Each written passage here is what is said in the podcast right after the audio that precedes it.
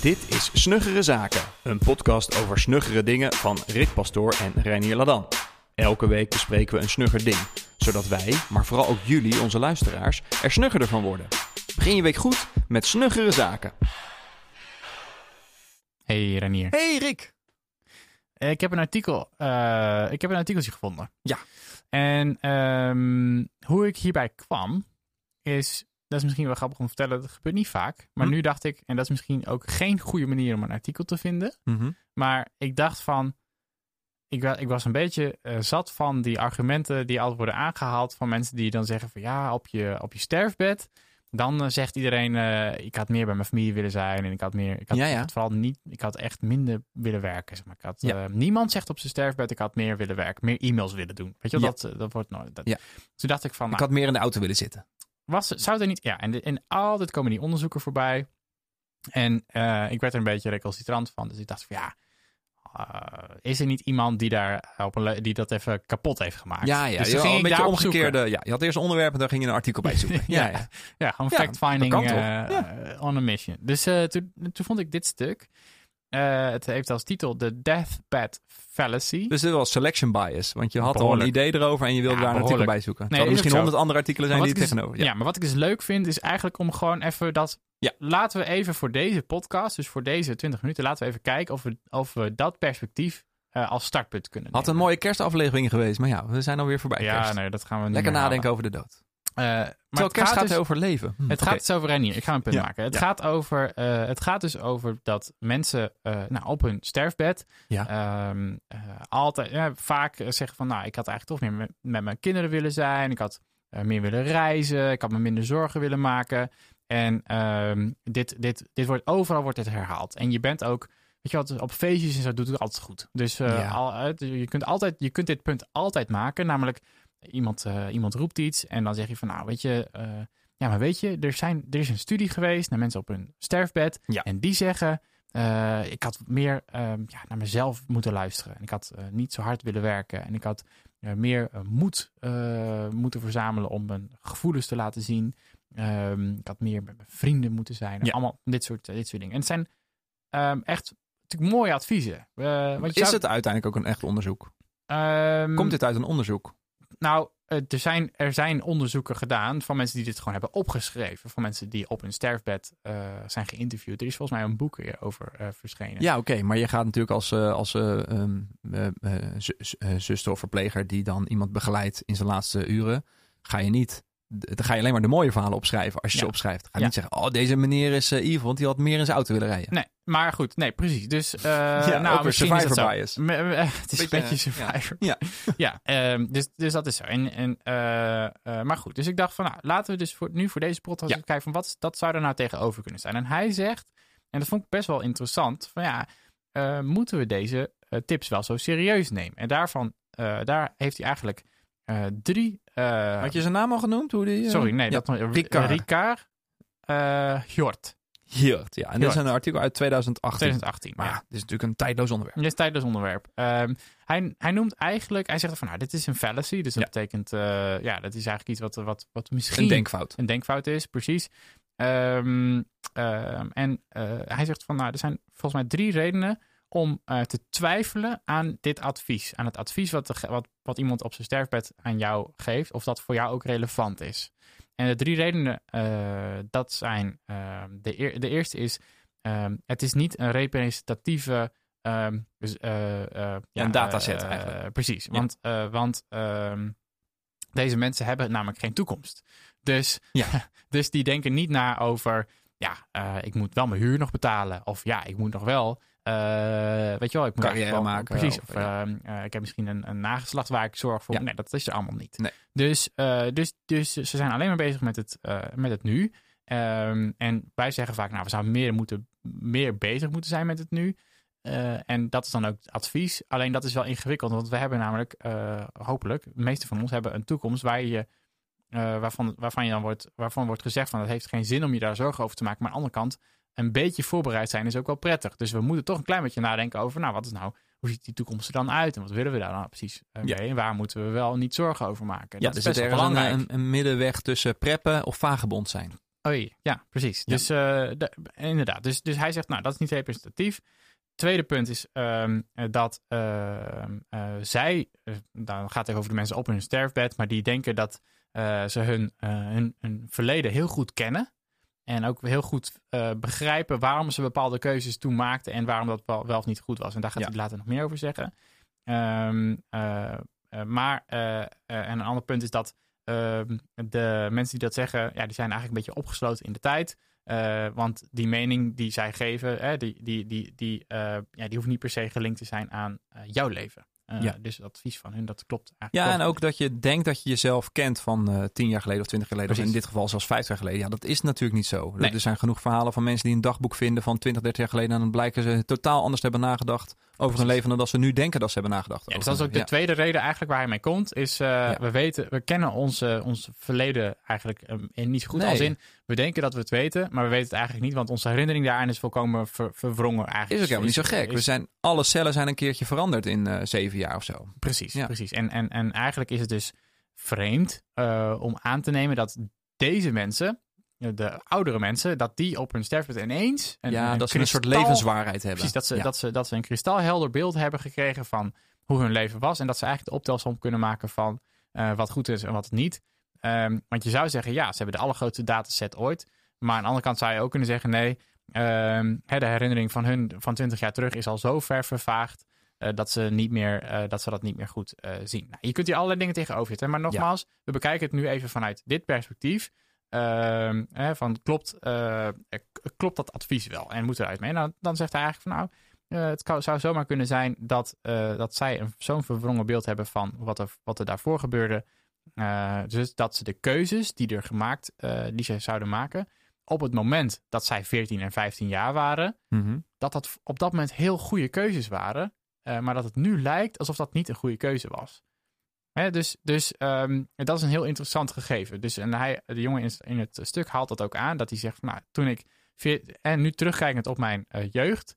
vind ik dat ik toen een, een, een, keuze maakte. Namelijk, ik wilde graag uh, populair zijn op school. Ja. En nu met de huidige informatie zou ik zeggen... joh, uh, wat, wat, ja. boeit dat jou? Ja. Maar op dat moment was dat heel belangrijk voor hem. dat was en, de bubbel En dat was, zat. was de bubbel. Maar dat was ook goed dat hij zich daar op dat moment druk over maakte. Want ehm, zit je op dat moment in die groep uh, met kinderen, dan is dat ook daadwerkelijk belangrijk. En om dan te zeggen als ouder persoon, joh, doe niet zo moeilijk. Het is, is de context wat bepaald belangrijk is. Precies. En, ja, en als je op een onbouw uiteindelijk terechtkomt uh, door een neergestort vliegtuig met uh, tien anderen, dan maakt het niet uit dat je je blog update. nee, en nee. dan maak je over heel andere dingen ja. maak je, je zorgen. Ja. En je zou daarna kunnen zeggen, ja, ho hoezo maak je zorgen over eten? Want er is toch eten genoeg? Nee, op dat punt niet. Dus, dus, dat, dus de zorgen van toen waren wel degelijk relevant. Nou, dus dat is, een, dat, is, dat is het punt. En hij omschrijft ook wel grappig tippie van... Hij, hij, greep dan terug op zijn dagboek. Waarin hij eigenlijk zag van... Oh ja, toen was ik met dit soort ja, gedachten bezig. bezig. hier ook naar voren, ja. Ja, en toen dacht ik wel... Oh, dat, dat, daarom is een dagboek dus heel zinvol. Hmm. Zodat je um, beter... dat je jezelf kan checken van... Ja. Hey, had, had ik het toen echt bij het goede of bij het verkeerde eind? En wat vond ik nou van die situatie? Nou, dat is nog even een tipje erbij. Ja. Um, de derde reden is de, de mensen die nu overlijden... De oude mensen, Ja. of op het punt staan om te overlijden, die, die leeft in een wereld die volkomen anders was dan die van ons. Dus Ja, want het is ook nog eens zo dat als je memoires kan noteren van mensen die bijna stervende zijn, dan zijn het per definitie eigenlijk altijd oude mensen. Want iemand die uh, vroegtijdig komt te overlijden, Precies. dat is vaak plots. En daar kan je dat, dat soort herinneringen niet van opschrijven. exact, Ja. exact. Dus het zijn, uh, precies. Dus, dus daarom kun je zeggen dat de mensen die geïnterviewd zijn voor deze ding, ja, tenzij het mensen die heel erg ziek zijn geworden op jonge leeftijd, maar deze groep, uh, die zijn mensen zijn 70 of 80 jaar. Nou, dat betekent dat zij in een wereld leefden waarbij er soms misschien nog niet eens auto's waren. Uh, in Nederland waren heel veel huizen nog hout gestookt om even een dwarsstraat. Weet je, er zijn gewoon. ja, de popcar reed nog door de straat. Nou, precies. Ja. What, whatever that may be. Dat is die, de, de, de car die het poep kwam ophalen, omdat Ja? je nog geen riolering had. Nee, Ja. nou, precies. Heel gaaf. Ehm, Al die banen zijn er niet meer door technologie, Rick. De rioleringstechnologie heeft die banen allemaal... Don't eh, turn uh, the correspondent uh, on me, uh, Reinier. Nee, maar um, de, de, het grappige punt daaraan is dat we dus ja, advies van iemand over een leven als jong persoon in een, in een wereld die voor hun op dat moment reëel was. Ja, dat je je kan afvragen hoe reëel zijn die tips eigenlijk voor ons leven nu. Dus Ja. een, hij zegt een, een 50-year delay in de data.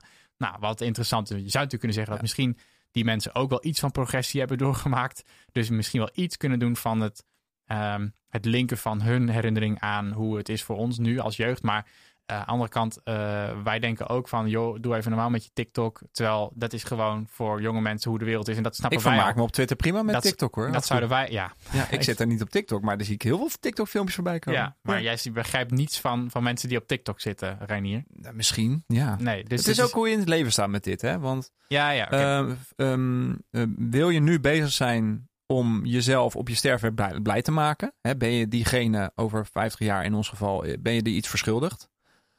Uh, en andersom ook. Neem je het jezelf kwalijk dat je bepaalde keuzes tien jaar geleden hebt gemaakt? En ik denk dat dat een hele ongezonde houding is om in het leven te staan. Je hebt Mm. gewoon het moment van nu. Daarin zijn keuzes gemaakt in het verleden. Daar kan je niks meer aan doen. Nee. Dus daar moet je ook niet echt te veel spijt van hebben. Je moet er misschien wel van leren, maar je kan er niet een soort van emotie uh, je laten leiden.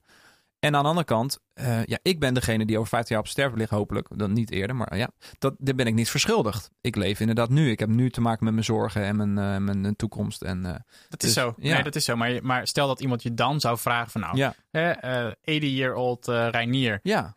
ik ben nu een jong persoon. Laat me alsjeblieft iets delen van jouw wijsheid ja. en, en rijkdom aan ervaring. En dan ga jij zeggen, nou, weet je wat, weet je wat? ik heb echt me helemaal uit het zweet gewerkt en... Wat heb ik er nou voor teruggekregen? En ik zou niks. nu zeggen, joh, laat die vent lekker praten. Die, die 50, over 50 jaar Reinier. Want die weet niet hoe het nu echt is. Precies, nou Ja. dat is natuurlijk de strekking van dit stuk. Maar toch wordt, eh, worden, worden je adviezen Ja, ja, worden er vaak bijgehaald. Nou, en, en daarvan ehm, zegt hij, het vond ik wel leuk eigenlijk, dat hij zelf zegt van nou, ik ben nu gewoon echt, ik ben nu bezig met eh, mijn carrière. En ik, ik focus nu op slim en, nieuw, en nieuwe dingen leren. Want ik wil uiteindelijk eh, toewerken naar een, een, een, een- misschien een stuk onafhankelijkheid. Of ik, wil, ik ben wel aan het nadenken hoe ziet mijn toekomst eruit. Nou, en daar moet ik nu bepaalde keuzes voor maken die, waarvan ik nu denk dat ze de juiste zijn. Ja. Eh, dat vond ik een interessant eh, perspectief. Hè? Want je hebt gewoon nog wel dingen te organiseren in je leven voordat je op dat punt bent dat je echt alles gewoon los kan laten. Ja. Dus dat zou een, een interessant- interessante invalshoek kunnen zijn.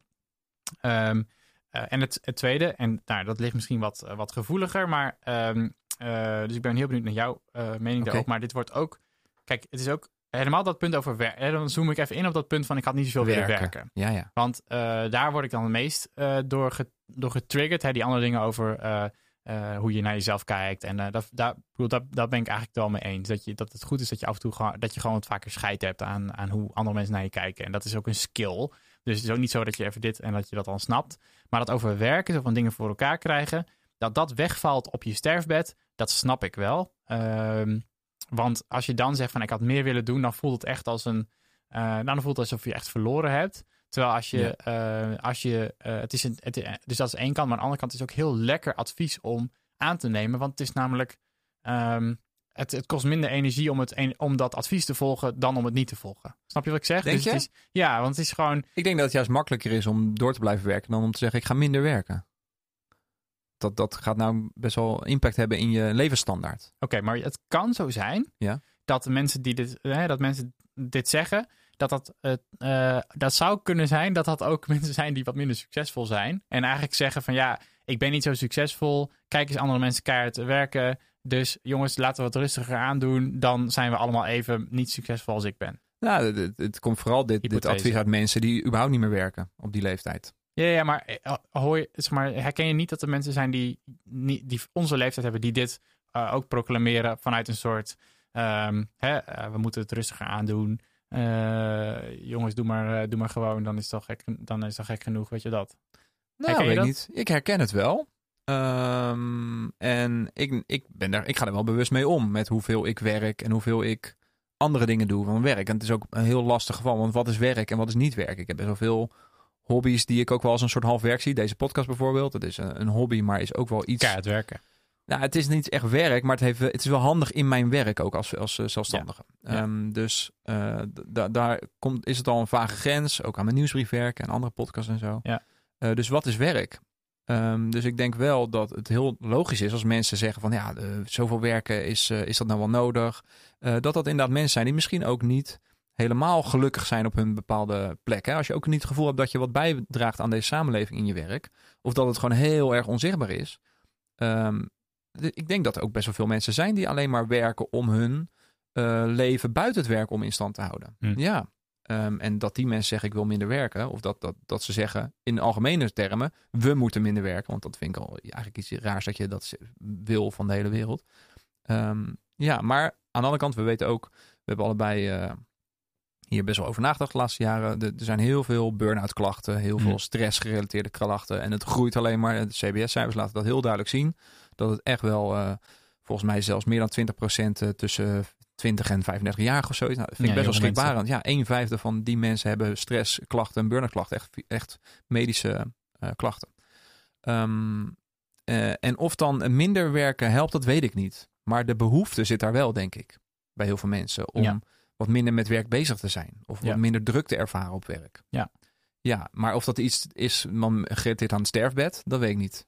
Nee, nou ja, goed. Ik, ik, ik, vind het, wat ik in ieder geval er interessant aan eh, vind en vond ook, is om eh, bij dit soort dingen, hè, het, wordt, het, wordt over, het wordt heel breed gedeeld Ja. en, en overgenomen. Het, het, het, is, het doet het goed op, op feestjes en het doet het ook goed om, eh, het, het doet jezelf ook goed om, Dit is ook wel typisch Nederlands. eh, Gewoon, om dan te kunnen zeggen, ja, doe maar normaal. Maar dit gaat buiten. Nederland gaat het ook heel goed, dit stuk. En, Ja. of deze, deze, dit soort advies. Dit, dit argument, ja. ja, en waarbij het dus denk ik goed is om af te vragen van... hé, hey, wacht even, wat zit, er, wat zit daar dan onder aan die, in die dataset? En ook de manier waarop de vragen zijn gesteld. De, het soort mensen aan wie de vragen zitten. De context van deze mensen. Eh, want je zou je ook... eh, ik ben, je, hebt het, je hebt het boek van, ehm, eh, van Walter Isaacson over Steve Jobs waarschijnlijk gelezen. Waar, eh, die, die, die man die lag op zijn bed... op zijn sterfbed was hij nog met zijn werk ehm, eh, bezig. Ja. Hè? Zo wordt het omschreven. Die was gewoon tot het laatst was hij Ja. bezig met zijn werk. En hij had op een gegeven moment een punt in zijn leven dat hij zich, dat hij besefte dat hij alleen maar televisie aan het kijken was s'avonds. En dat hij dacht van, dit moet ik niet meer doen. Dus toen, dat is de andere kant op. Hij, deze, hij, heeft juist, deze anekdote ken ik helemaal niet. hij, is, hij heeft ja, bewust gekozen om meer te gaan werken in die periode. Mm, Ja, Mm. dat was, ik denk dat hij net bij Apple weg was. Zo was hij was nog redelijk jong. mm. Maar dat hij zijn tijd aan het verdoen was s'avonds, vond hij zelf. Oké. En hij was natuurlijk wel een workaholic, Steve Ja. Jobs. Dus dat is een uiterste, dat snap Ja. ik wel. Maar je kunt je afvragen of eh, dit soort onderzoeken, of mensen die eh, tot aan hun sterfbed druk zijn, of die eh, eh, ruim, ruimte hebben voor zo'n onderzoek. Nee, die hebben dat verhaal niet kunnen laten noteren. Want die waren nog aan het werk. Die waren nog aan Die het e-mailen. Ja. Ja, dus die krijg je niet. Nou, dus dit is, een- Ja. Maar dit, is, ik, het zal vast niet helemaal zo zijn. En ik denk ook echt wel dat er een heel veel waarheid in zit. Ik bedoel, het- en ik geloof ook in. Mijn hypothese is nog steeds dat oude mensen wijzer zijn dan jonge mensen. eh, em, door de levenservaring. Ik denk dat we dat met elkaar een beetje onderschatten. Ja, Ehm, ja, ja, ik- ja. Alleen iedereen heeft maar zijn eigen leven, hè? Jawel, Eh, maar het dus heeft, ook, heeft gewoon voor je mij. moet niet die adviezen als een soort algemeenheden Nee, nee. ook opvatten. nee, nee, maar, Van te- oude mensen. ja. maar tegelijk zijn wij denk ik geneigd om dat allemaal een soort van aan de kant te Ja. schuiven. Van deze mensen snappen Ja. er geen zak van. Dus, Ja. ik, dus ik denk Ja. dat het, zal ergens, tussen, ergens in het midden liggen. Ja.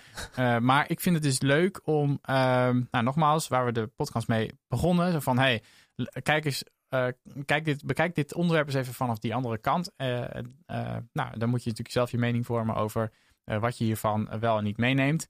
Ehm, maar het is denk ik goed om je te beseffen dat dit soort onderzoekjes, ehm, eh, ik moet zeggen, als ik er dan in begin te duiken, dan vind ik ze vaak flinterdun. En dan worden er Ja. dingen uitgehaald die gewoon ook lekker klinken. Ja. En, ehm, ja, want ik vraag me af of dit wel een gedegen onderzoek was. Voor mij had ik gelezen in een stuk dat het om één verpleegster ging die wat anekdotes heeft opgeschreven. Ja, de Bro- Bronnie Ware heet. Ja. Ja, en dan is het per definitie al Bronnie. geen onderzoek of zo. En dan moet je hem afvragen of je daar conclusies uit kan Ja, trekken. precies, Ja. precies, precies. Dus, eh, nou goed. Ja. Dus dat. Ja. Nou ja, vorm je mening. Zou zeggen, maar... eh, ja, het doet mij altijd denken aan... eh, je bent gewoon letterlijk jezelf niet meer over 50 jaar. Ja. Dat is net als dat, zo'n filosofische eh denkoefening... dat als er een schip vertrekt... eh, een, een- in dit geval dan een houten zeilschip... vanuit eh, de Oh ja. van eh, Amsterdam... Ja, en die vaart naar New York... en onderwijl eh, verander je alle onderdelen van dat schip. Dus je, je, je haalt de, de, de, zijkant eraf... en je bouwt er een nieuwe zijkant op... en uiteindelijk komt er een ander schip aan. Terwijl iedereen op dat schip of rond dat schip... of die hem uitgezwaaid of die hem ziet aankomen... die heeft het beeld dat het hetzelfde schip is. juist. Maar dat is niet zo. Nee, ja, ja, Ehm. ja, ja. Hij zegt het inderdaad ook letterlijk van... Ja. You should consider yourself over a lifetime not as a single person... Ja. But, but a line of many people with different views and priorities. En, eh, en, en gun jezelf dan ook... Ja. Dat die prioriteiten ook elke keer anders kunnen zijn. Op het moment dat je Ja. Eh, nou, dat heb je zelf- ook gemerkt. Maar als je voor het eerst, eh, voor het eerst vader wordt, ja, dan je Ja. prioriteiten komen helemaal op de kop te staan. En ik kan me nu niet meer voorstellen hoe het is om zoveel vrije tijd te hebben dat zou ik mezelf kwalijk kunnen nemen. Dat, dat ik voordat ik kinderen kreeg, gewoon te weinig tijd besteedde aan dingen waar ik heel goed in was. Of waar ik gewoon een soort van. Ja, moet je je voorstellen dat je Eh, met al die uren had kunnen doen. Ja. Hè? En dat Ja. kan nu niet meer. En dan kun Nee. je dat jezelf voor je kop slaan. Maar Ja. je kunt ook zeggen, ja, ik was gewoon een ander persoon toen. Precies. Ja. Ik voelde me happy in die tijd met de dingen die ik toen deed. Ja. Ja. Nou, mooi. Nou, dus, eh, dus dat, dankjewel. Yes, dankjewel. Dit was Snuggere Zaken. Wil je meer weten over Snuggere Zaken? Ga dan naar snuggerezaken.nl. Tot volgende week.